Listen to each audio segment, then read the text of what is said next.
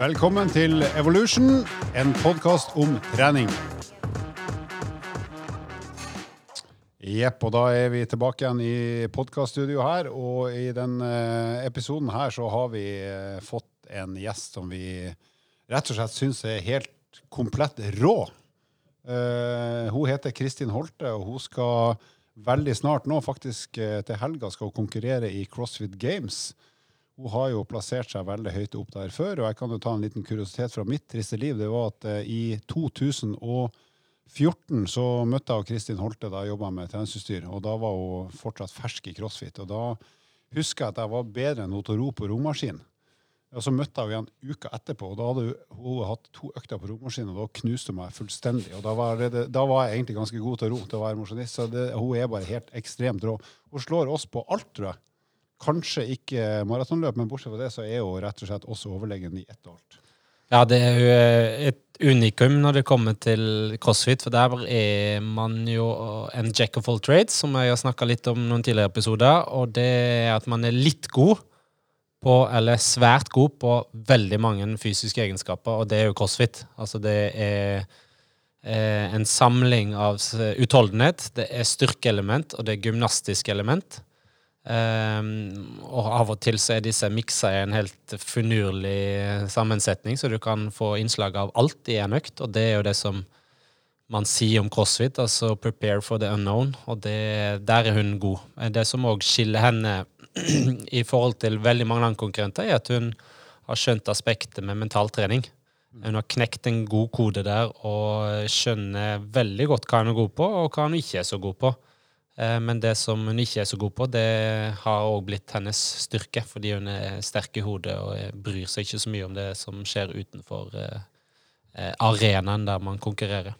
Så har hun jo en familiær bakgrunn som er ganske kul òg. Faren hennes, Geir Holte, han gikk jo v-cup på ski langrenn, og onkelen Tor Håkon Holte har jo vært med i OL i langrenn. og Mora og bestemora har jo vært på høyt nivå i turn, både som utøvere og trenere. Så den eneste som vel ramla sammen i den familien, der er broren hennes, som heter Thomas. Han er ganske god til å kjøre motorsykkel. Han har hatt ansatt, og det var en stor tabbe. Men utover det så er den familiebakgrunnen der ganske heftig. Så det har nok vært litt idrett eh, fra tidlig eh, alder. Ja, det, jeg tror det har blitt stilt eh, store krav og, og, høye krav til, um, til, å være med på idrettsarenaen. Og det skal vi få et godt innblikk i hennes hverdag, hvordan crossfit har på en måte tatt stormen i idrettsverden og treningsverden. For det er en fantastisk fin treningsform. altså men det er enkelt sagt. Jeg er jo en fan av det, og har brukt det både på de utøverne som jeg trente tidligere, toppidrettsutøvere, eh, alpinister, og veldig mange andre idretter òg har adaptert den eh, hva skal jeg si, eh, fascinasjonen for crossfit. Og det er jo eh, satt på spissen, eh, sirkeltrening satt i system. Ja, på et ekstremt høyt nivå for de aller beste. Ja. Så det som har skjedd her, da, det er rett og slett at eh, Lars og Andreas, uh, den raske og den pene, i podkasten har dratt til CrossFit Oslo for å snakke med Kristin. Og Det som er uh, veldig spennende, synes jeg, da, det er jo at um, forrige gang, eller altså en av de første gangene hvor hun var med i, uh, i den største crossfit-konkurransen, så var første øvelse at man skulle ro maraton. Altså Man er helt mm. uforberedt, og så får man kasta på seg at man skal ro maraton. Uh, og det å få lov å, å, høre hvordan en utøver som, som evner å takle den type utfordringer, men også være da ekstremt god i treningsplanlegging, treningsarbeidet. Det, det, er jo noe som alle kan ta med seg et godt utbytte fra. Det, mm. det viser jo at man er nødt til å jobbe med hodet. Ja. Yes, Da skal vi rett og slett få høre på møtet med Kristin. Yes, da er vi inne på CrossFit Oslo i Dydalen. Og vi er så ekstremt heldige å ha med oss Kristin Holte. Eh, så vi sitter inne i et uh, fysiorom uh, bak garderoben her og skal ta en liten prat med deg. Så vi vil egentlig bare høre litt, litt hvem er Kristin, og litt sånn bakgrunn. Hva har du gjort av trening, hva har du gjort av idrett opp igjennom til du fant crossfit? Ja, det er, det er egentlig en lang historie. vi, får, vi får korte ned litt. Jeg ble egentlig jeg ble født inn i en idrettsfamilie. Så da fikk de inn med morsmelk, både langrenn og turn. Eh, fikk ikke helt sansen for langrenn fra jeg var liten. Det var mye, mye blodslit i familien, så, eh, så, det slo ikke helt an. Så det ble, det ble turn da, som ble min greie, og hadde farmor som min trener i ti år. Eh, og trente turn, fra, turn og dans fra jeg var seks år til 17. Ved siden av det så, eh, så, drev jeg med friidrett. Spilte fotball, var kaptein på guttelaget i fotball. Um, det var veldig gøy. Og um, satsa etter hvert på friidrett. Jeg skulle bli verdensmester i stavhopp. Det var uh, målet mitt. Um, før da to tretthetsbrudd i begge leggene satte en uh, ganske rask stopper for det. Og uh, hjertet mitt ble litt knust, fordi jeg følte at, uh, at, drømmen min ble knust, og jeg følte at jeg ikke hadde fått vist hva jeg var god for. Så da eh, gikk det noen år med rehabilitering, og så begynte jeg på en litt sånn uh, utholdenhetskarriere. Uh, var innom triatlon. Uh, jeg løp, gikk på ski, sykla. Var med i Trippel-Birken. Um, og, og testa ut litt forskjellige ting. Uh, men uh, fortsatt, ja, langrenn var morsommere den gang, men det var fortsatt ikke helt min greie. Så var det i mai 2012 så var det ei venninne av meg som anbefalte meg å teste crossfit. For hun mente at det, det kunne være noe for meg. Og jeg hadde hørt om det noen år tidligere, men uh, da var jeg ikke helt mottagelig for å teste ut uh, noe nytt. som jeg, jeg, så for meg at det skulle bli en sånn ny kommersiell greie som alle skulle gjøre, og da skulle i hvert fall ikke jeg gjøre det. Men, uh, men nå var jeg på en måte Jeg hadde drevet med kondisjonsidrett i kun det i to år, men kjente det var noe som mangla i treninga mi. Og, og når jeg da fant crossfit, så skjønte jeg at det her er min idrett. Min sport.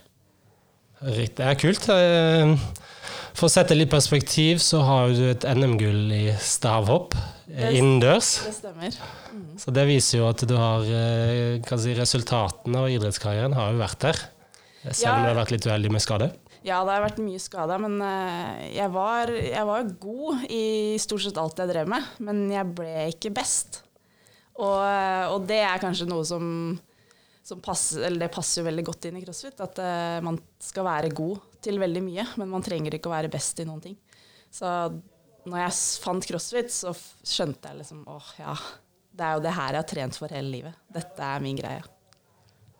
Hva tenker du i forhold til bakgrunnen din? Har det vært en uh, styrke i forhold til crossfiten, eller hva, hva, dine tanker da? Ja, absolutt. Det, det, å ha en variert bakgrunn var veldig bra. Uh, det å ha drevet med turn og gymnastikk og dans og ha kroppsbeherskelse og kunne ta teknikker ganske raskt. Mm. Det har jo absolutt hatt, vært en fordel for meg i crossfit, hvor det er så mye tekniske øvelser. Um, og for folk som aldri har stått på henda f.eks., og skal lære seg å gå på henda og kjøre handstand pushups i voksen alder, det er ikke alltid så lett. Så, og jeg har jo stått på henda og slått hjul siden jeg var eh, fem-seks år, så for meg så kom det veldig naturlig. Men uh, det er andre deler som har vært mer utfordrende, sånn som vektløftinga, som jeg har hatt uh, ganske store utfordringer med. Da. Men uh, jeg syns det har vært veldig gøy å jobbe med det også. Så du tror du Andreas uh, har hatt muligheten til å kunne gå og stå på henne? Det tror jeg absolutt. Kunne fått noen timer, så skulle i hvert fall fått den opp.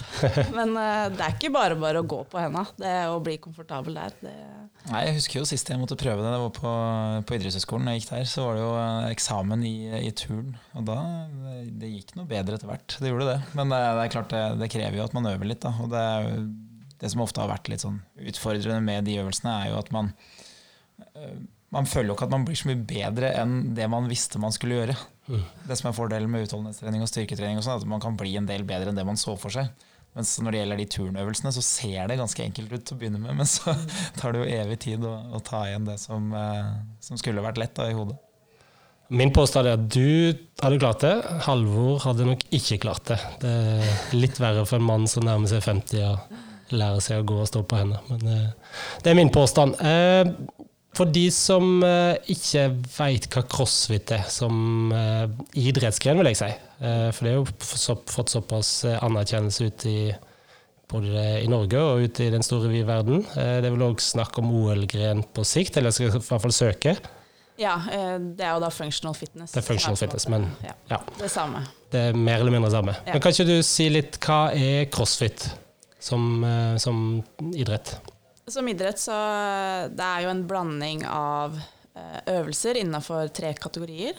Styrke, vektløfting, som er den ene. Gymnastikk, som er den andre. Og utholdenhet, som er den tredje. Så vi konkurrerer jo i I utgangspunktet så kan det være hva som helst. Det er ikke noe satte rammer. Og sånn som det foregår konkurransemessig, da, så er det en, eh, noe som kalles The Open. eh, som er en kvalifisering som går eh, i hele verden. Hvor man da kan kvalifisere seg videre til eh, siste eh, del, som er da CrossFit Games, eller VM. Som da de beste i verden får lov til å konkurrere mot hverandre. Mm. Det som er litt kult med en crossfit-konkurranse, er at eh, ofte så vet man ikke hva man skal gjøre på forhånd. Nei. Så du, du kan komme inn i en konkurranse, og så får du beskjed om en time skal du gjøre det og det. Uh, og for to år siden i, i VM så måtte vi ro et maraton. Uh, og bare det er jo liksom Når du ikke er forberedt på det og skal sitte på roeren i over tre timer, så det er utfordrende. Uh, men utrolig gøy å ha gjort det. Jeg hadde nok aldri gjort det hjemme hvis jeg ikke hadde måtte. så, så sånne ting. Man får gjort veldig mye gøy, og man får utfordra seg på flere mulige områder. Da. Mm. Du snakka litt om de ulike fysiske egenskapene. At man må være en Jeg sier ofte en jack of all trades. I og med at min bakgrunn er for alpint, det er litt samme type eh, fysikk. Altså man må være litt god på alt. For å være best. Altså det er snittet ditt som gjør om du er god eller dårlig. Det er ikke toppen og ikke bunnen. Nei. Ehm, så hvis du skal kategorisere det, hva er dine styrker og svakheter, uten at vi skal eh, avsløre alt, men eh, Det er ikke så veldig hemmelig, tror jeg. Eh, jeg, har, jeg har vært god på løping eh, og kondisjonsøvelser, eh, og alt som egentlig har med kroppsvekt. eh, Og mange av gymnastikkøvelsene. Og mine svakheter har jo da vært vektløfting og generell styrke, egentlig. Så det er sånn evig kamp, det, for å bli sterkere og bli bedre. Men eh, det er ikke lett. Eh, og når du da skal bli sterkere samtidig som du skal bli, bli bedre på utholdenhet, så er det en det er sånn fin linje på hvor mye du skal gjøre av hver. Og, og klare å finne den balansen på uh, hvor du blir bedre på alt. Så det, det er ganske utfordrende, men samtidig veldig gøy, for det er ikke noe fasit. Det er ingen som har funnet ut liksom, gullformelen for hvordan bli, bli best i de tre ulike egenskapene samtidig. Og det er ganske gøy, at det er heldigvis mange veier til rom. Og det er litt kult eh, sett fra et trenersperspektiv, og jeg vil tro også fra et eh, utøversperspektiv. Eh, mange er seg litt nysgjerrig på dine altså Med tanke på styrke, kondisjon, kan du si noe om f.eks. hva du løfter i knebøy, i frivending eller clean and jerk? Hva ror du på 500 meter, hva løper du på? At vi tar et par av dine eh, gode resultat, som bare for å vise hva du faktisk, hvor faktisk god godt trent du er. Ja, det kan vi gjøre. Jeg har eh, 139, vi kan si 140 da, kilo i knebøy. Rund alltid oppover. Ja, vi runder oppover. Eh, Jeg har 107 kilo i clean eh, i frivending. Um, og 84 kilo i snatch, som er da rykk. Og eh, litt usikker på hva jeg har på en 500 meter roing. Eh, roing er kanskje en av mine svakeste grener. Um, men eh, jeg har vel rundt 740 på 2000 meter roing. Um, og løping så har jeg 11,30 på 3000, uh, 19,30 på 5000. Og så har jeg vel rundt 42 på en uh, 10 000 meter. Så det, det er litt eldre tider. Eller det er noen år siden jeg satte de, men jeg tror ikke jeg skulle vært så veldig mye dårligere nå, selv om jeg ikke løper like mye som jeg gjorde før. Nei. Hvor mange pullups tar du? Strikte og med kipping? Um, strikte så har jeg jo tatt 18. Um, med kips så vet jeg ikke. Uh, da må jeg få en utfordring, så skal jeg satse på at jeg klarer det. Så kan vi heller ta etter du har konkurrert en gang. Ja, det, blir, det er 50 pluss i hvert fall. Ja. Kanskje, ja. Og uh, handstand pushups, altså opp-ned pushups. Uh, strikt så har jeg der tatt 40 eh, unbroken, da, uten å gå ned. Hinsides. Ja, det, ja, det setter bare litt i perspektiv. Altså for det, I snatch så hadde du snatcha Andreas over hodet, som er vel rundt 84 kilo ish, pluss minus. Matchvekt, ikke sant? Jo, ja, det er julevekt i hvert fall til fire. Så det hadde nok blitt enda flere. Enda lettere. Så. Nei, det er helt, eh, helt enormt. Eh, Litt i forhold til Med tanke på at du må trene så variert, hvordan ser en, en eh, hverdag ut for deg med trening? Med trening så har jeg eh, to økter om dagen, eh, fem dager i uka. Og da består gjerne første økt av en lang og god oppvarming. eh, Gjerne opp mot en time. 45 minutter til en time, hvor da inkluderer mobilitet, aktivering, litt rehab, prehab. eh, Og også bruke litt maskiner for å bli varm. Og så er det spesifikk oppvarming da til den øvelsen jeg skal gjøre. Så er det gjerne vektløfting. Og teknikk og styrke innafor der. Eh, kanskje noe knebøy eller markløft. Eh, og så er det gjerne en eh, kanskje kort eh, Metcon, som er da en kondisjonsøkt med Det kan være litt gymnastikk, eh, litt eh, ergs, en romaskin, litt sykkel, noe sånt. Eh, og på økt nummer to så er det gjerne en hovedfokus på utholdenhet. Så da er det gjerne intervaller eller en litt lengre crossfit-økt, hvor det da går mest på pust, men også da øvelser som uh, gymnastikk, innenfor gymnastikk og vektløfting også, da. Så du kombinerer, um, kombinerer flere øvelser. Og det blir tungt. Det er. Den er tung. Jeg har sett deg gjøre det noen ganger. Det, ja, du har vel også spurt om jeg vil være med, men det jeg har ikke kommet så langt. Nei, det er sånn at jeg gruer meg til mange av de øktene. Jeg vet at det kommer til å gjøre så vondt, og uh, det er det verste. Mm. Du, du vet hva du går til, og du vet at det, du må pushe 110 da. Ja. Eh, Det var én dag. Hvordan ser uka di ut, da? Sånn røftlig? Det her er da Sånn ser det ut ca. mandag, tirsdag, onsdag. Eh, på torsdager så har jeg active recovery day, så da eh, hender det jeg setter på klokka 60 minutter og bare beveger meg og gjør litt tøyøvelser, mobilisering, aktivering underveis uten å bli sliten, men bare for å bevege meg. og Får gjerne litt behandling eh, i tillegg. Um, Fredag-lørdag er det da to økter igjen. Mm. Um, og får som oftest eh, lov til å løpe på lørdag økt to. Hvem som Eh, bestemmer det? det er min coach som Løping er jo ikke den øverste prioriteten. Det er ikke det viktigste for meg, siden jeg har et relativt høyt nivå der. Mm. Og vi vet også at det, det er ganske belastende i forhold til eh, å bli bedre på styrken. Ja. Så, eh, men det blir en liten sånn godbit på slutten av uka. Mm. Eh, og så er det da fri på søndager. Så da er det helt fri. Det er egentlig et toppidrettsliv. Det er det. Ja. Det er eh, seks, eh, ja, seks timer ish, eh, stort sett hver dag, og så har du aldri fri, da. Fordi når du kommer hjem, så er det da restitusjon og spise og sove og, og gjøre alt jeg kan for å bli klar igjen til neste dag. For du lever av dette. Ja, det gjør Ja. Hvordan får man det til eh, i, i en så anførselstegn liten idrett i Norge? Det som er bra med crossfit, er at eh, mye, mye av det skjer på sosiale medier. På Instagram. Veldig stort på Instagram. Og eh, det er jo stort rundt omkring i hele verden. Så det er veldig mange sponsorer som er interessert i å være en del av det. Mm.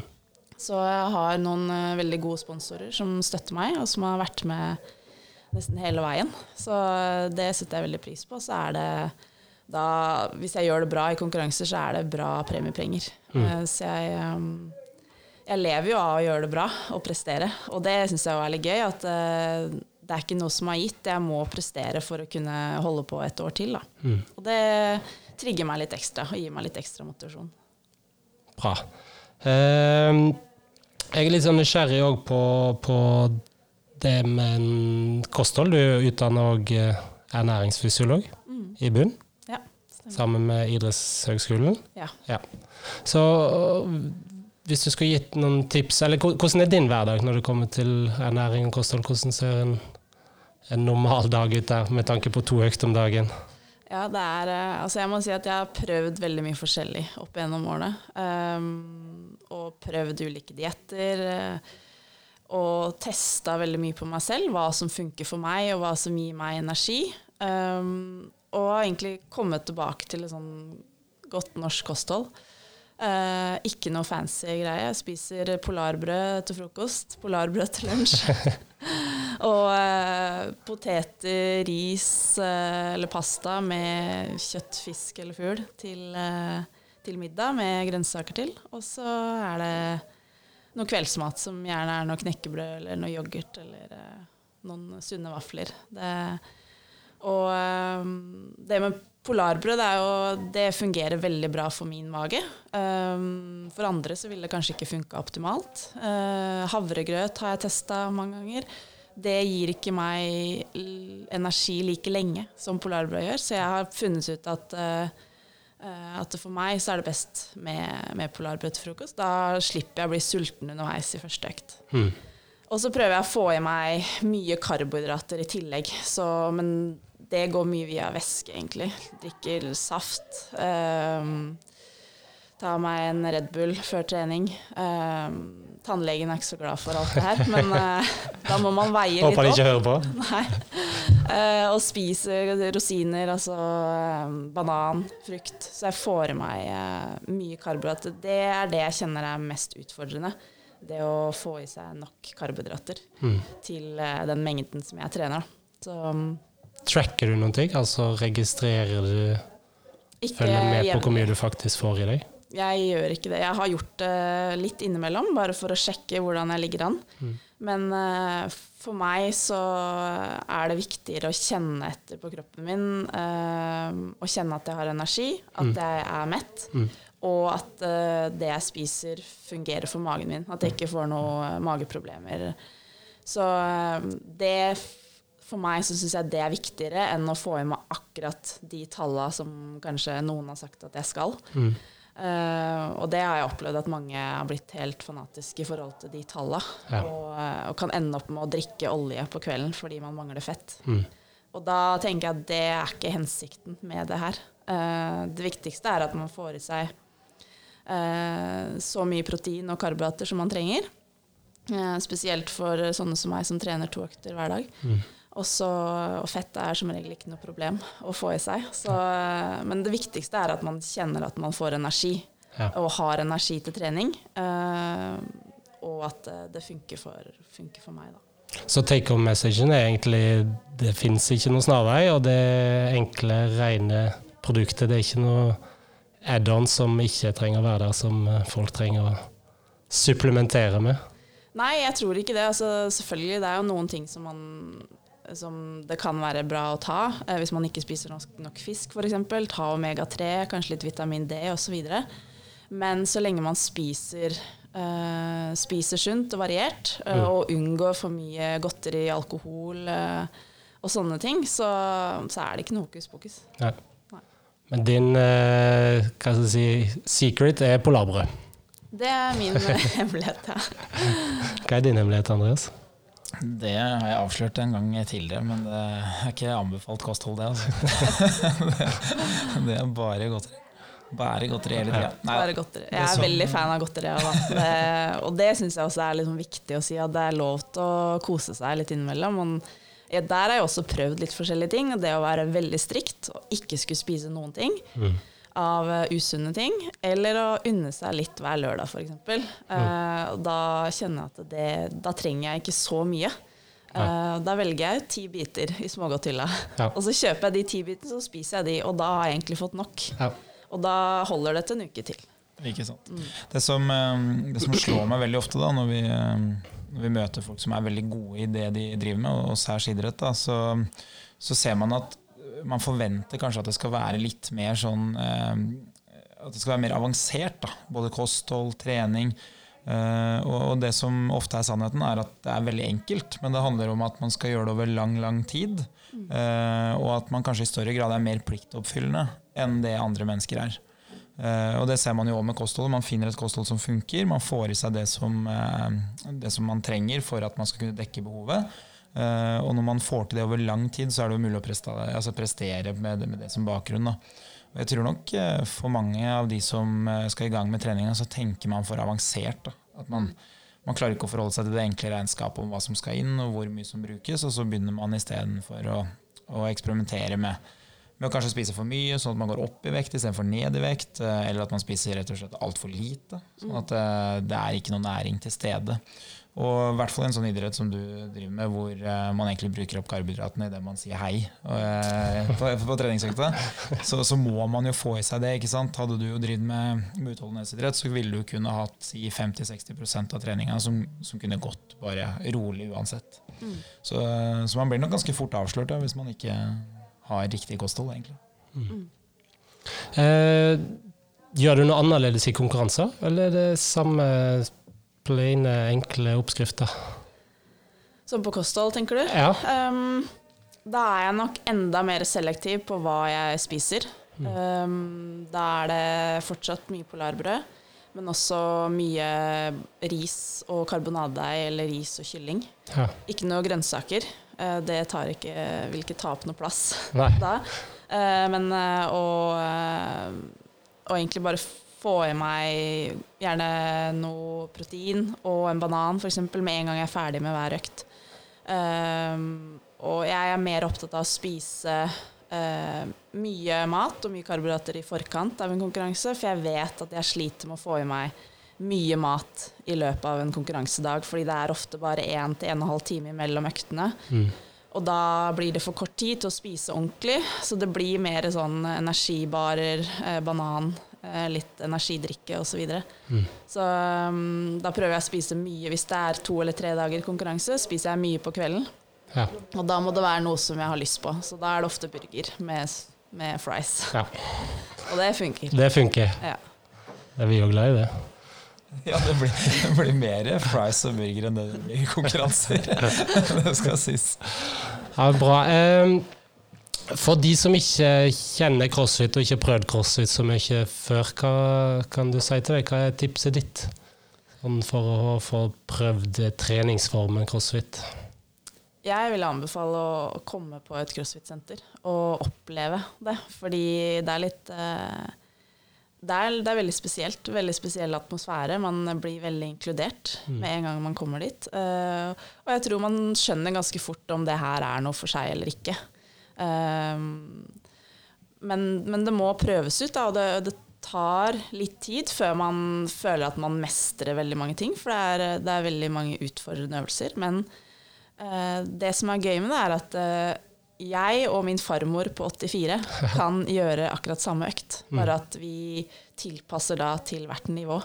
Så det er jo også det som er bra når man er på en time. Så, så, tilpasser man etter sitt eget nivå, og man får gjort akkurat det samme som alle de rundt seg, bare kanskje med litt mindre vekt på, f.eks. Mm. Og litt mindre avanserte øvelser. Så det er en um, veldig morsom og utfordrende sport, idrett, mm. og veldig inkluderende.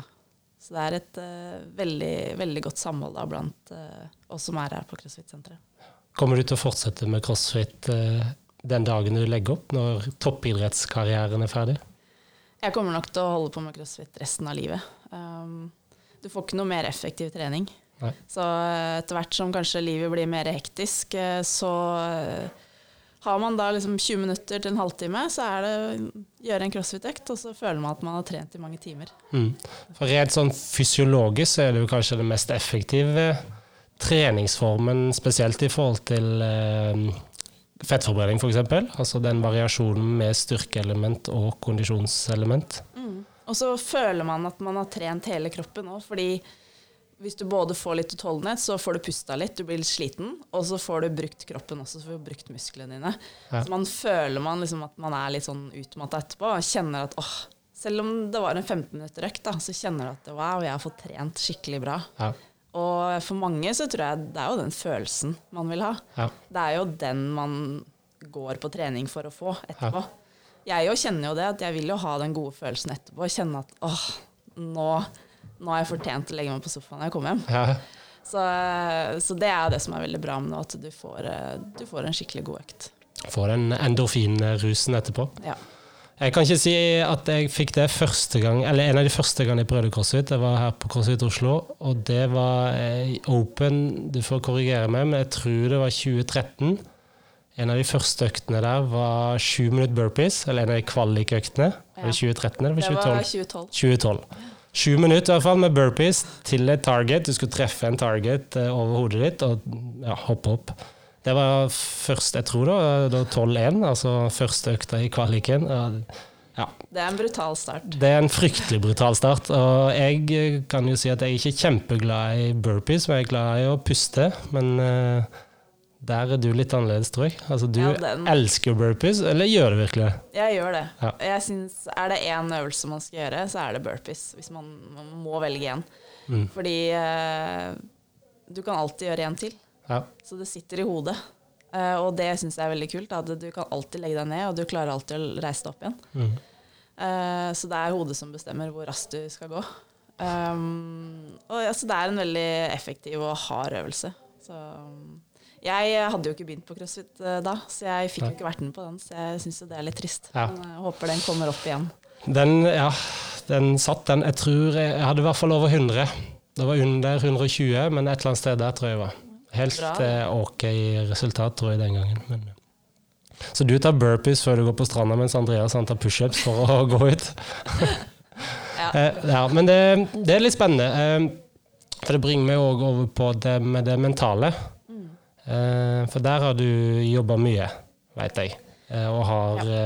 brukt eksterne ressurser, men òg lest deg opp mye sjøl. Og vært en indre motivator, om man kan si det sånn.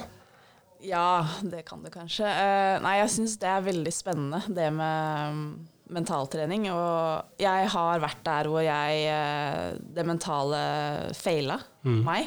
Kan du fortelle litt om det? Ja, Hvis du har lyst til å rippe opp i eh, sånne ting? Det er kanskje man lærer av det? Man lærer veldig mye av det, og man blir litt sånn åh, herregud, så teit jeg var. Mm. Men når jeg var yngre, så var jeg var veldig konkurransemenneske og hata å tape. Og eh, når jeg skulle konkurrere, så altså, det gikk ikke an å prate til meg eh, noen timer før. For jeg var så fokusert, og jeg kunne ikke ødelegge fokuset mitt ved å prate med mamma eller pappa som kjørte meg til konkurransen. Så jeg var helt sånn steinansikt og superfokusert. Um, og jeg var eh, veldig redd for å gjøre det dårlig. Jeg var veldig redd for å måte, både svikte meg sjøl og svikte treneren min og de rundt meg. Ja. Så jeg satte nok eh, veldig høyt press på meg selv. Eh, og jeg husker spesielt eh, en episode hvor eh, det var eh, basismesterskapet. eh, som man holdt på eh, NIH, Olympiatoppen, for en, ganske mange år siden nå. Eh, hvor jeg var med i eh, Det var vel første året på videregående. Eh, så jeg fikk lov til å være med der. Landsmesterskapet, da, som var basismesterskapet da. Og eh, var med i eh, innledende heat, og da var jeg overlegen. Knuste de andre. Eh, og så begynte jeg å kjenne, når det var da en semifinale, så var det meg mot ei annen. Eh, ei annen som jeg hadde konkurrert mot tidligere i, i friidrett. Mm. Og da kjente jeg på den Wow, nå har jeg alt å tape.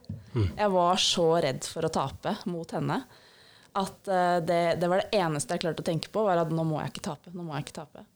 Og da tapte jeg selvfølgelig. Ja. Uh, selv om jeg altså fysisk så var jeg mye bedre enn det jeg presterte, uh, vil jeg si sjøl, i, den, eh, i den semifinalen der. Men det gjorde at jeg var jo helt knust i lang, lang tid etterpå. Um, men jeg skjønte òg da at åh, det her var jo bare øla for meg sjøl. Ja. Så, så i etterkant, altså eh, når jeg begynte med crossfit, så var jeg veldig heldig at eh, Christian Ytterbøl eh, tok kontakt med meg, som da har vært min mentaltrener eh, siden. Og han eh, skulle skrive en bachelor i coaching, så han ville ha meg som prøvekanin. Og jeg var litt sånn «Ah, Jeg tror ikke jeg egentlig har behov for det, men, eh, men det skader ikke å prøve. Og det angrer har jeg ikke angra et sekund på. Altså, jeg kan si med 99 sikkerhet at jeg aldri vært her jeg er i dag uten mentaltrening. Fordi han fikk meg til å endre um, syn på livet, uh, syn på prestasjon. Uh, og klarte å få meg til å fokusere på meg selv og min egen prestasjon istedenfor alt annet og konkurrenter og de, de faktorene jeg faktisk ikke kan gjøre noe med. Så, så det har vært ekstremt viktig for meg, og vi har jobba veldig tett sammen. Og jeg er helt sikker på at det var det som gjorde at jeg kvalifiserte meg til Games eh, første gang i 2014, og har da klart det hvert år siden. Mm. Um, jeg tror hadde det ikke vært for at jeg hadde drevet mentaltrening, så hadde jeg blitt nummer fire eller fem istedenfor nummer tre. Og Ja. da hadde nok historien sett litt annerledes ut. Ja. Veldig spennende. Og, og så ser man jo på resultatene dine, at de har gått eh, på en måte samme, samme retning som din utvikling, og ikke minst at jo flere år du har, jo mer erfaring har du, men også sikkert mer eh, Kall det mentale teknikker har du i verktøyskassa di, som du kan hente frem når det først eh, brenner og er tøffe konkurranser.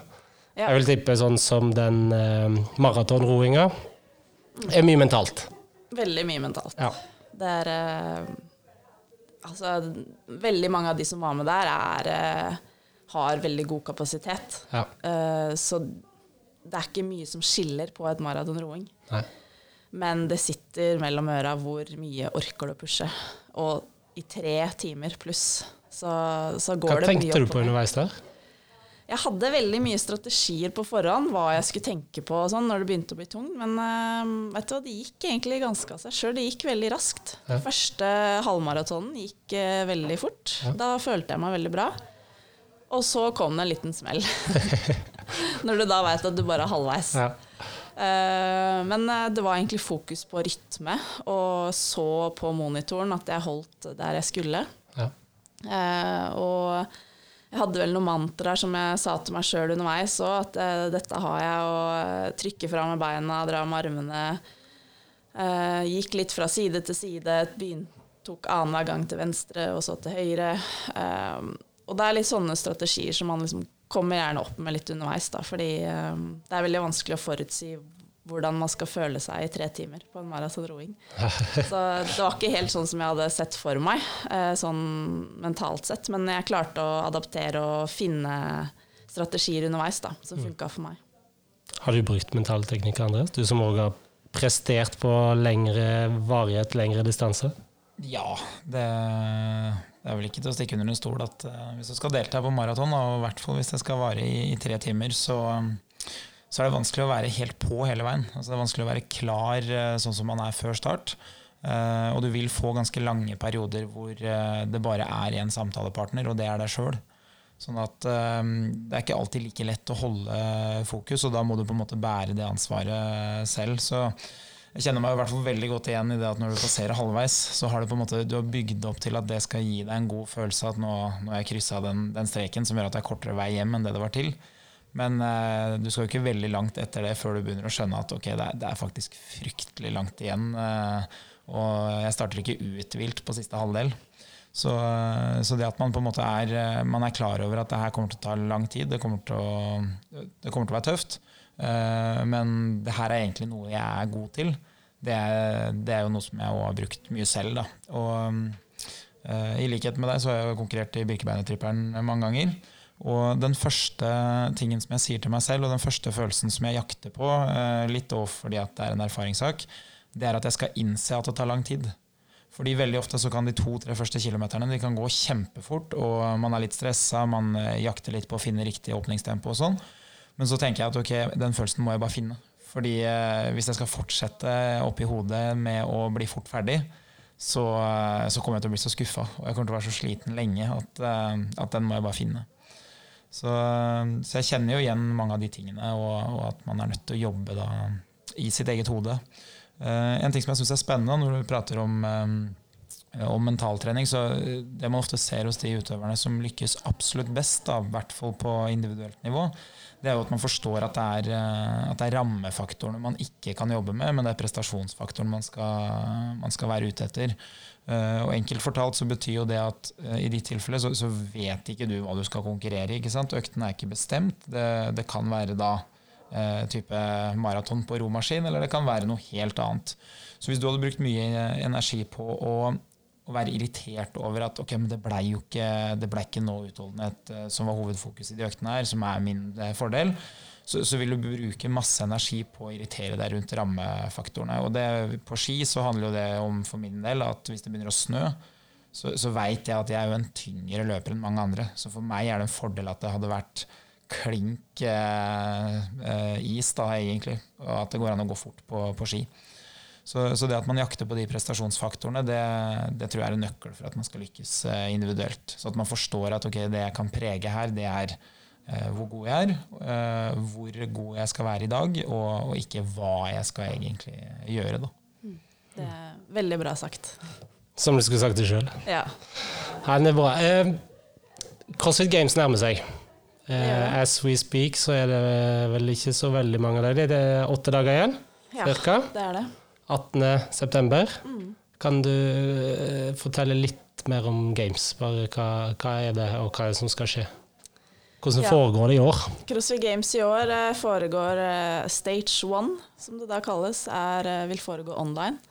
Så de 30 kvinnene og 30 menn som da er kvalifisert, de kommer til å gjøre øktene på gymmet sitt, eller hjemme, der Mm. de hører til. Og så får vi tilsendt en dommer som skal dømme. Uh, og vi får øktene 48 timer før, mest sannsynlig. Alle sammen, men det vet vi ikke helt ennå. Og så får vi et tidsvindu som vi må gjøre den økta på. Så vi må gjøre øktene i rekkefølge, og vi får da tre timer til å gjennomføre den spesifikke økta. Mm. Og vi får kun lov til å gjøre det én gang. Ja. Så um, det blir, det blir litt som, uh, som med games, men uh, Bare på hjemmebane? ja. Ja. Og veldig annerledes. Vi må gjøre det aleine, så det er kun meg mot meg. Ja. Og, um, men det tror jeg kan være en fordel for meg. Jeg, um, jeg vet, uh, vet hvordan jeg skal pushe meg sjøl, så det, det blir tøft. Men uh, jeg gleder meg egentlig veldig til å kjenne på den Ja. og jobbe meg gjennom den. Konkurransefølelsen igjen. Ja. Er det lenge siden du har konkurrert? Nei, det er faktisk ikke så lenge siden. Jeg har uh, fått vært med på noen, eh, en konkurranse i Sverige nå i starten av august. Og så kjørte jeg også en annen online konkurranse i juni, som het Rogue Invitational. Mm, så jeg har jo litt erfaring med det, men da, da var det ikke noe musikk, eh, ikke noe tilskuere. Kun meg. Live med de andre deltakerne fra rundt omkring i verden. Ja. Uh, det var en veldig spesiell opplevelse. Um, ikke sånn kjempegøy. Du, du hørte pusten din fra første sekund, og det var det eneste du hørte. Mm. Så, så det var utfordrende, men eh, en god læring. Så, um, ja, så jeg, eh, jeg gleder meg veldig til å konkurrere igjen uansett. Det er, eh, det er jo derfor jeg driver med det. Jeg syns Ja. det er veldig gøy. Og hva skjer hvis du gjør det bra den neste helg? 18. og 19. september? Ja, da er det de fem beste som kommer videre til stage two, som da er i USA. Som er da siste del av CrossFit Games, som da foregår eh, live der. Hvor du De fem beste konkurrerer om å bli eh, nummer én, to, tre, fire, fem. World's fittest Ja. man and woman. Hvordan, For deg som har vært med på det tidligere, da, jeg, jeg har jo sett noen videoer og sånn fra det, men hvordan oppleves det? Hva, hva, hvor mange mennesker er det som er til stede for eksempel, på, på en sånn avslutning? I år blir det nok veldig spesielt, men vanligvis da på CrossFit Games er det jo utsolgt. Og det er eh, Jeg vet faktisk ikke hvor mange det er der engang, men eh, mange, mange tusen. Og kjempegod stemning. Eh, Kommer folk fra hele verden. Så mm, det er jo en del av det. Det med ramma rundt. Så det blir jo Nå er jeg heldig som har veldig bra supportere her på CrossFit Oslo, som er veldig gode til å skape bra liv. Så jeg tror det blir veldig bra her til helga òg. Men, uh, men vi får se. Det blir annerledes. Men det blir det for alle. Det er likt for alle, så en ny For utfordring. nå er det de 30 beste Ja. damene av rundt 150 000-60 000. Ja. Ja. Så det sier litt hvor eh, heldige vi er, og hvor unikt det er faktisk å ha kommet så langt. Og så er vi to jenter i Norge, To fra Norge, ja. ja. så det er jo ingen gutter. Dessverre. Unfortunately. Får prøve, Andreas. Det blei med de burpeesene. Ja, det, jeg kom ikke lenger ned. Det knekker når jeg skal begynne å ta, gå på hendene. Eh, sånn opp mot CrossFit Games, eh, av ren nysgjerrighet her, og hvordan topper du formen på noen måte? Eller altså, er du, trener du helt som normalt? Nei, vi, vi topper formen. Eh, Jeg er heldig som har eh, Joakim Rigg som coach, som er veldig god på det her. Mm. Og jeg har jo nå fått god erfaring også i, gjennom de siste åra med hvordan eh, jeg best mulig topper formen min. Det er ikke nødvendigvis sånn at eh, noe som funker for en annen, funker for meg også. Men, eh, men det er, vi kjører ganske hardt frem til ca. to uker før. Og så eh, går vi ned på volum eh, og eh, opprettholder intensitet. Så det vi gjør, det gjør vi eh, med høy intensitet. Men eh, lite volum og mengde, men bra kvalitet da, på det vi gjør. Og så er det å få overskudd til helga. Og passe på at man har vært igjennom alle øvelser som man tror kan komme, sånn at Mm. man føler seg liksom trygg, på, trygg på alt det. Er det noe rykte om hva som kommer? Vi har fått utstyrsliste, så den, eh, den sier jo eh, mye, men eh, ikke alt. Så vi vet jo hva vi skal bruke av utstyr. Så det, mm, det hjelper jo litt, men man kan jo gjette seg til hva noen øvelser er, men det er jo stort sett ikke det man gjetter uansett. Jeg er jo sjøl trener, eller begge vi to er jo trenere og personlig trenere. Eh, Kan du si noe om relasjonen din til du nevnte Joakim Rygg, altså til trener og støtteapparatet? Hvor, hvor viktig er den relasjonen, og hva er den relasjonen basert på, bygd på? Ja, jeg eh, Altså, tidligere har jeg hatt trener som har vært basert i USA. Mm. hvor jeg har eh, vært i USA tre til fire ganger i året. Og hvor han da har sendt meg program ellers når jeg har vært her. Um, og det, det har fungert greit, men det jeg har eh, erfart da, de siste par åra, er at eh, det er mye mer verdifullt å ha noen som er i nærheten av deg daglig og som kan justere program uh, ut ifra dagsform, ut ifra skader, vondter osv. Uh, og heldig som har uh, fått med meg Joakim uh, på laget, som er veldig dyktig på programmering og eh, veldig flink til å forstå meg som person, og eh, flink til å justere da um, økter og, og treningsmengde, volum, intensitet ut ifra eh, de tilbakemeldingene jeg gir. Og så liker jeg å ha en finger med, med i spillet sjøl. Jeg liker å på en måte være litt, litt sjef også, så jeg, jeg har erfaring, så jeg vet jo hva som funker for meg eh, og for kroppen min. Så vi, vi samarbeider veldig godt der. Jeg kommer med innspill på hva jeg mener at jeg burde ha, og så sier han hva han eh, mener at, eh, at jeg burde ha inn i programmet, og så eh, lager vi en god miks av det. Og så har det fungert egentlig veldig bra.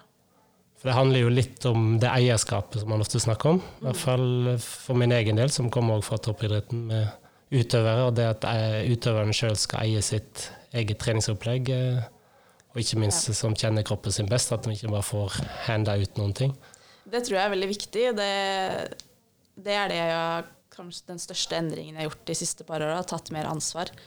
Eh, og da er ansvaret mitt òg. Hvis ting ikke funker, så er det mitt ansvar. Det er ikke noen jeg kan skylde på. Ja. Så det syns jeg er veldig gøy, og da, da er det lettere også å legge hele sjela si i treninga, fordi man vet at man er en del av det. Det er ikke bare noe som har kommet, og som noen andre har funnet på at du skal gjøre. Men eh, det her er noe vi har funnet på sammen. Um, og da, det gjør meg tryggere på at det er det beste for meg. For det eh, Nå glemte jeg hva jeg skulle si, men det, det viser jo òg resultatene dine, at det kanskje det er veien å gå, og at det har vært en suksess. Ja, det, det tror jeg absolutt. Og en av de tinga vi har endra, er å redusere volum. Fordi jeg har nok trent altfor mye i forhold til hva jeg kanskje trengte tidligere. Men eh, redusert volum og økt kvalitet. Så alt det jeg gjør, skal være av god kvalitet. Det, Og det er en mening med alt jeg gjør. Jeg gjør ikke noe bare for å gjøre det, Nei. fordi det står på programmet. Jeg gjør det fordi jeg vet at det her er noe jeg trenger, og det her kommer til å gjøre meg bedre i den og den øvelsen, f.eks.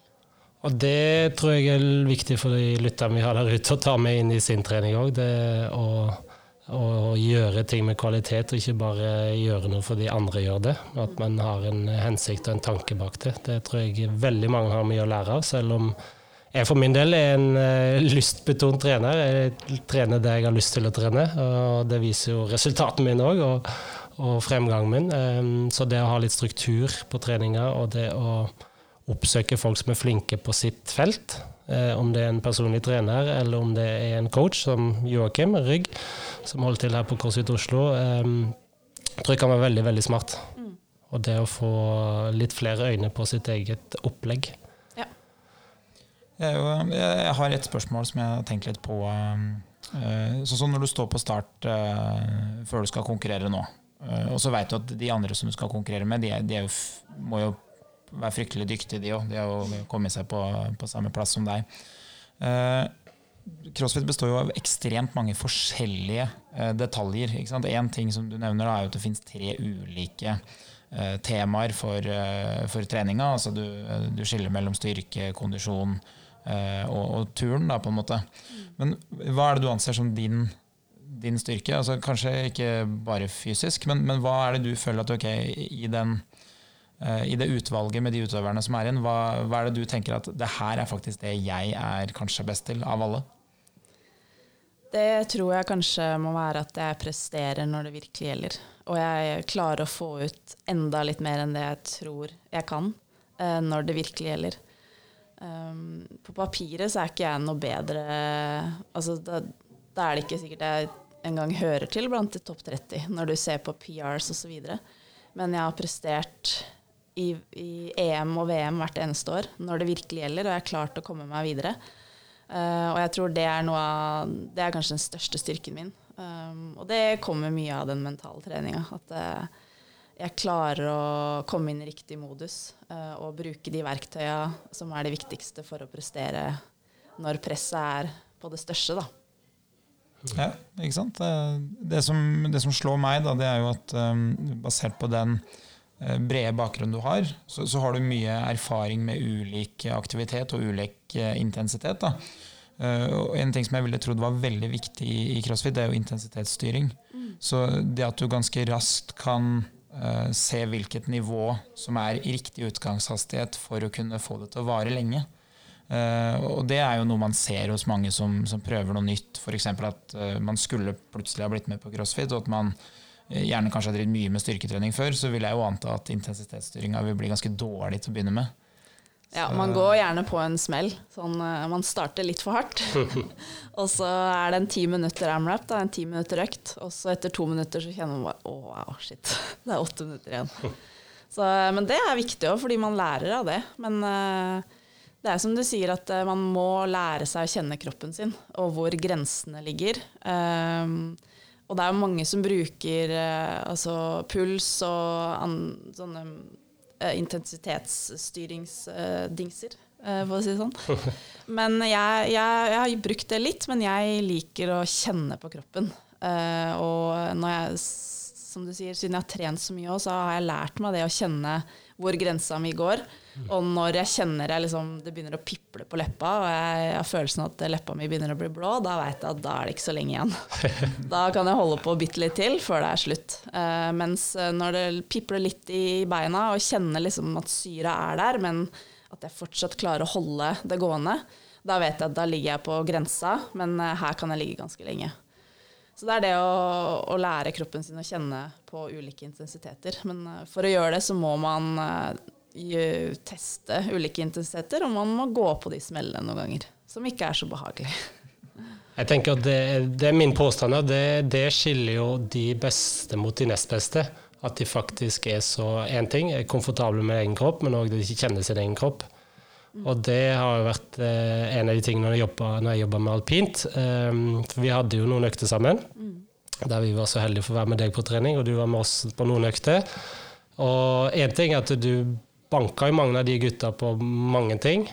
Eh, og det tror jeg veldig, var i hvert fall veldig sunt, å få, få sett fra et treningsperspektiv og jekke de gutta litt ned. At de ser at det fins eh, flere, flere veier til rom. Eh, og litt eh, hvor lista ligger i forhold til det fysiske. Eh, en ny påstand er at du er kanskje den best trente kvinna vi har i Idretts-Norge når det kommer til ulike fysiske egenskaper. Halvor sa så fint før vi gikk, og, eller skulle møte deg, at det uansett kjønn så var du den best trente. Og kanskje til og med i dyreverden, som han sa. Men eh, ja, tilbake til at du, vi hadde noen økter sammen med deg. og det, det at du ofte konkurrerer eller går ved siden av gutta, f.eks., som i utgangspunktet kanskje har et annet fysisk eh, eh, grunnlag eller utgangsnivå. Men eh, har du noen tanker rundt det når det kommer til crossfit? Altså, hva, er, hva er forskjellen, hva er nøkkelen der? Eh, det ligger jo litt under det Andreas sier i forhold til pacing, altså intensitetsstyring. Mm. Uh, jeg syns det er veldig gøy å konkurrere med gutta. Ja. Uh, gutter er veldig enkle på mange måter. uh, det, er ikke, det, er ikke, så mye drama. Det er liksom Vi går all out, og ja. så håper vi det holder. Mm. Um, så jeg syns det er veldig gøy å kunne trene mot, uh, mot gutta, og gjerne da vite at de egentlig er kanskje litt bedre enn meg, men da må jeg pushe meg enda hardere for å holde følge. Mm. Så, så, for meg så har det, det gitt veldig mye å kunne også det med å være med alpinlandslaget og få lov til å være med det og se eh, Se den driven de har, mm. og hvor hardt de orker å pushe seg. Eh, det syns jeg er veldig gøy, og det inspirerer meg veldig. Så, men eh, sånn som i crossfit, så er det jo Ofte så gjør jentene og guttene akkurat like mye. noen ganger så gjør vi til og med med samme vekt. Mm. Sånn som når vi løp i fjor med ruck run med med sånn sekk, hvor vi mm. la på mer og mer vekt, så hadde vi akkurat like mye vekt som gutta. Mm. Og da kunne man jo sammenligne tidene også, og det mm. er jo veldig gøy. Men sånn generelt så har jo gutta De har vel er det 30 mer vekt mm. på stanga osv. enn jentene, og da sier man at det er liksom uh, det er tilsvarende vekter, da. Så mm. det er jo naturlig at gutta er jo sterkere, men jeg tror det som er litt fascinerende med crossfit, er at uh, jentene klarer veldig mye mer uh, enn det man tror de skulle klare. Ja. Uh, I forhold til det å løfte vekter, gymnastikk, løpe, ro. Altså, vi er ikke så langt bak gutta. Og det tror jeg er veldig kult, og det tror jeg gjør crossfit til litt unikt. Da, fordi det er, jenten, det er jentene som får mest mest tid i media, og som blir haussa opp mest. Da. Ja. Og det er litt gøy. Mm. Det liker jeg i hvert fall jeg. Ja, for det, slår meg jo at uh, blant de som jeg kjenner, da, som har begynt med crossfit, så, så, har de ofte et sånt veldig stort fokus på, på styrketreninga. At, at, det handler om styrketrening, men det er jo kanskje mer at de kommer fra styrketrening. Mm. Fordi hvis man bryter det ned til de arbeidskravene som, som fins, så, så, ender man jo opp med at man må ha et ganske godt grunnlag for kondisjon. Mm. Eh, og det er klart når du, når du, legger til så høy intensitet, så, så vet man jo at differansen mellom menn og kvinner i utholdenhet, sånn ren utholdenhetsidrett som løping, da, så ca. 7,5% er jo forskjellen på, på verdensrekord for, for, damer og menn. Mens i styrke så kan det jo være avvik på, på over 30 mm. Og det er klart Når du da ender opp med å måtte gjøre styrkeøvelsene med så høy intensitet, så vil jo kondisjon spille en veldig stor rolle. Som igjen da gjør at kanskje differansen ikke er så stor. og hvis mange av øvelsene handler om egen kroppsvekt, så, så, er det jo kanskje ikke en fordel å være en stor mann uh, av og til. Nei.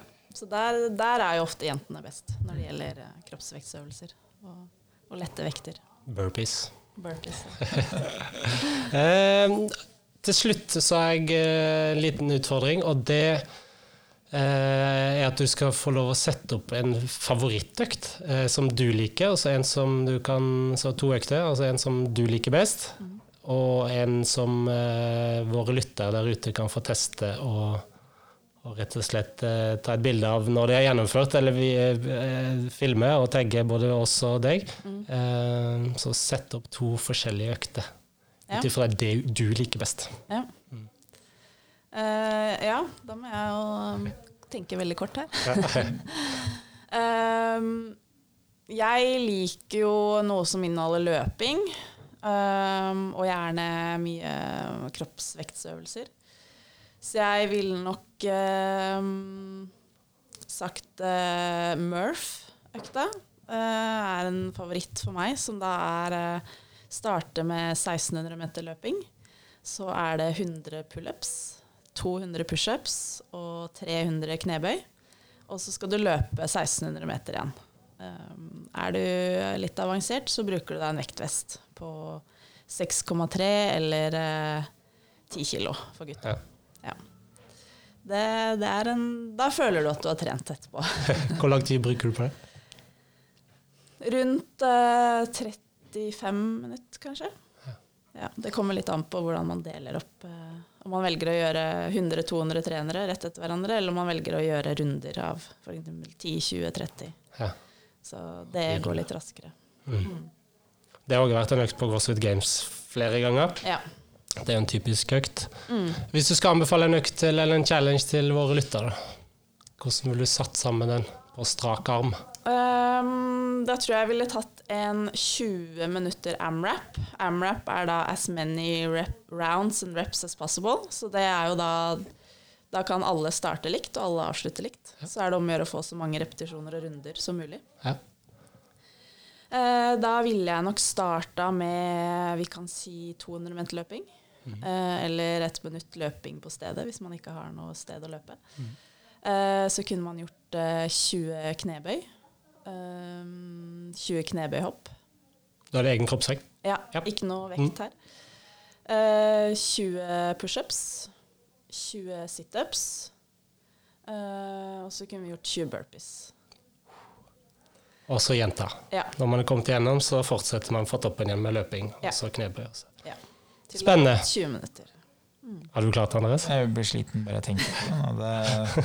Jeg er jo veldig glad i å dele eh, intensiteten mellom eh, utholdenhet og styrke. Ja. Så eh, styrketreninga den foregår på mobil, nesten. Det, det er benkpress med, med mobil, og, og utholdenhetstrening er med høy intensitet. Så det der tror jeg blir knallhardt. Det får være en uh, challenge til dere der ute. Og så uh, vil jeg si lykke til i CrossFit Games. Tusen takk. Og hyggelig at du tok deg tid i en eh, ellers hektisk hverdag, selv om du har en active recovery-dag i dag. Takk for at jeg fikk komme. Det var veldig hyggelig. Og så gleder vi oss til å følge deg, uh, både online, eventuelt uh, på CrossFit Oslo. Kan folk komme og se? Det blir uh, åpna for noe publikum, ja. Det er vel litt begrensa. Hvis koronatider, så er det Ja. Så da er det eventuelt å se hva CrossFit Oslo sier og legger ut, og så eventuelt følge deg. Mm. Og så får vi håpe at du er blant de fem som skal til USA og konkurrere om å bli verdens eh, fitteste, best trente kvinne. ja. Bra. Takk for oss. Takk for nå.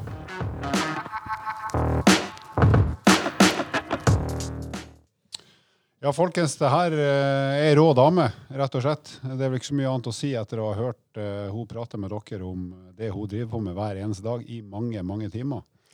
Nei, eh, det, altså, du blir fascinert av å sitte og prate med henne.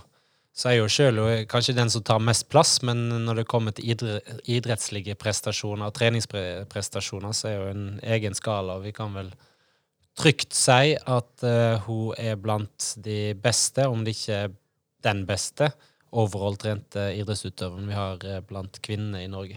Ja, og det, det som på en måte kjennetegner mange av de eh, utøverne som jeg i hvert fall har møtt, da, nå har du møtt langt flere enn meg, Lars, men det er jo at de ofte er ganske reflektert rundt eh, seg selv, oppgavene eh, og, og hva som kreves, og at de, de bruker lite energi på uh, ting som er lite viktig, og så bruker de alt fokus på de tingene som, uh, som på en måte liksom betyr noe. Og, og etter å ha prata med henne, så skjønner vi jo at uh, det å skulle mestre en, en treningsform som crossfit, da, det gjør jo at du må, du må være ganske åpen. Du kan på en måte ikke du kan ikke belage deg på at du har noen gode egenskaper som du kan dyrke. Du, du må på en måte ta opp ja, si at du må ta opp spaden da, og, og jobbe med de tingene du ikke liker òg. Fordi plutselig en dag så, så er det de tingene du ikke liker, som faktisk er konkurransen eh, som skiller deg fra å vinne det du ønsker og ikke.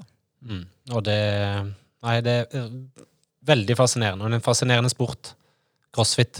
Og det kan man jo utøve òg stort sett eh, hvor man er, uansett, og uavhengig litt av utstyr. Og så lenge det er gjennomtenkt i forhold til hva man ønsker å få ut av det, så Så det er jo spennende å høre at, eh, at det er mulig å leve av det. At du er fullt ut profesjonell. Det syns jeg er kult. Og at i tillegg så, så forteller det at det sitter eh, mange titalls tusen mennesker live og ser på konkurransen. Nå, nå gjør du det ikke i år, selvfølgelig, som, eh, som dere også har hørt. Men, men at det vanligvis er at det er så mange mennesker som interesserer seg for crossfit på, på verdensbasis. Da. Ja, Vanligvis så har jo The Games de pleier vel å hyre en sånn eh, amerikansk fotballstadion der det er plass til 70 80 90 100 000 pers som, eh, som følger med fra tidlig i morgen til sent på kveld i hvor langt er det? Tre dager cirka det pleier å ta? Ja, tre til fire dager, sånn røftlig. Og det, de har jo søkt om å bli OL-gren. Det er vel å merke et annet navn på det. Det er Functional Fitness, for der er det satt i system og innunder et forbund. Ehm, så vi får rydda vekk av de tingene som omhandler f.eks. doping, selv om det er ikke noe som er veldig utbredt. Men det, det er jo alltid et spørsmål om. Det gjelder jo all toppidrett, egentlig. Eh, så den kan komme på OL-programmet. Eh, når, det er jo et tidsspørsmål. Og, eh, men nå er det første omgang CrossFit Games som gjelder for Kristin. Hun skal i action eh, fredag eh, 18. september. Eh, man får ikke vite så mye underveis der, dessverre, fordi de skal konkurrere på i, i hele verden, de beste. Eh, og eh, de konkurrerer på forskjellige tidspunkt, så man får ikke noen resultat der og da, fordi da vil jo amerikanerne eller australienerne ha de andre sine eh, resultat å konkurrere på, og det blir eh, på feil premiss. Men uh, gjør han det bra der, og er blant topp fem, så er det selve finalen i USA i slutten av uh, litt, litt usikker, men slutten av oktober-november-ish. Og vi gutta krutt vi ønsker selvfølgelig og Kristin alt mulig hell og lykke. Hun trenger ikke så mye flaks. Hun skal bare gjøre det hun er god for, og da kommer hun høyt opp, garantert. Mm.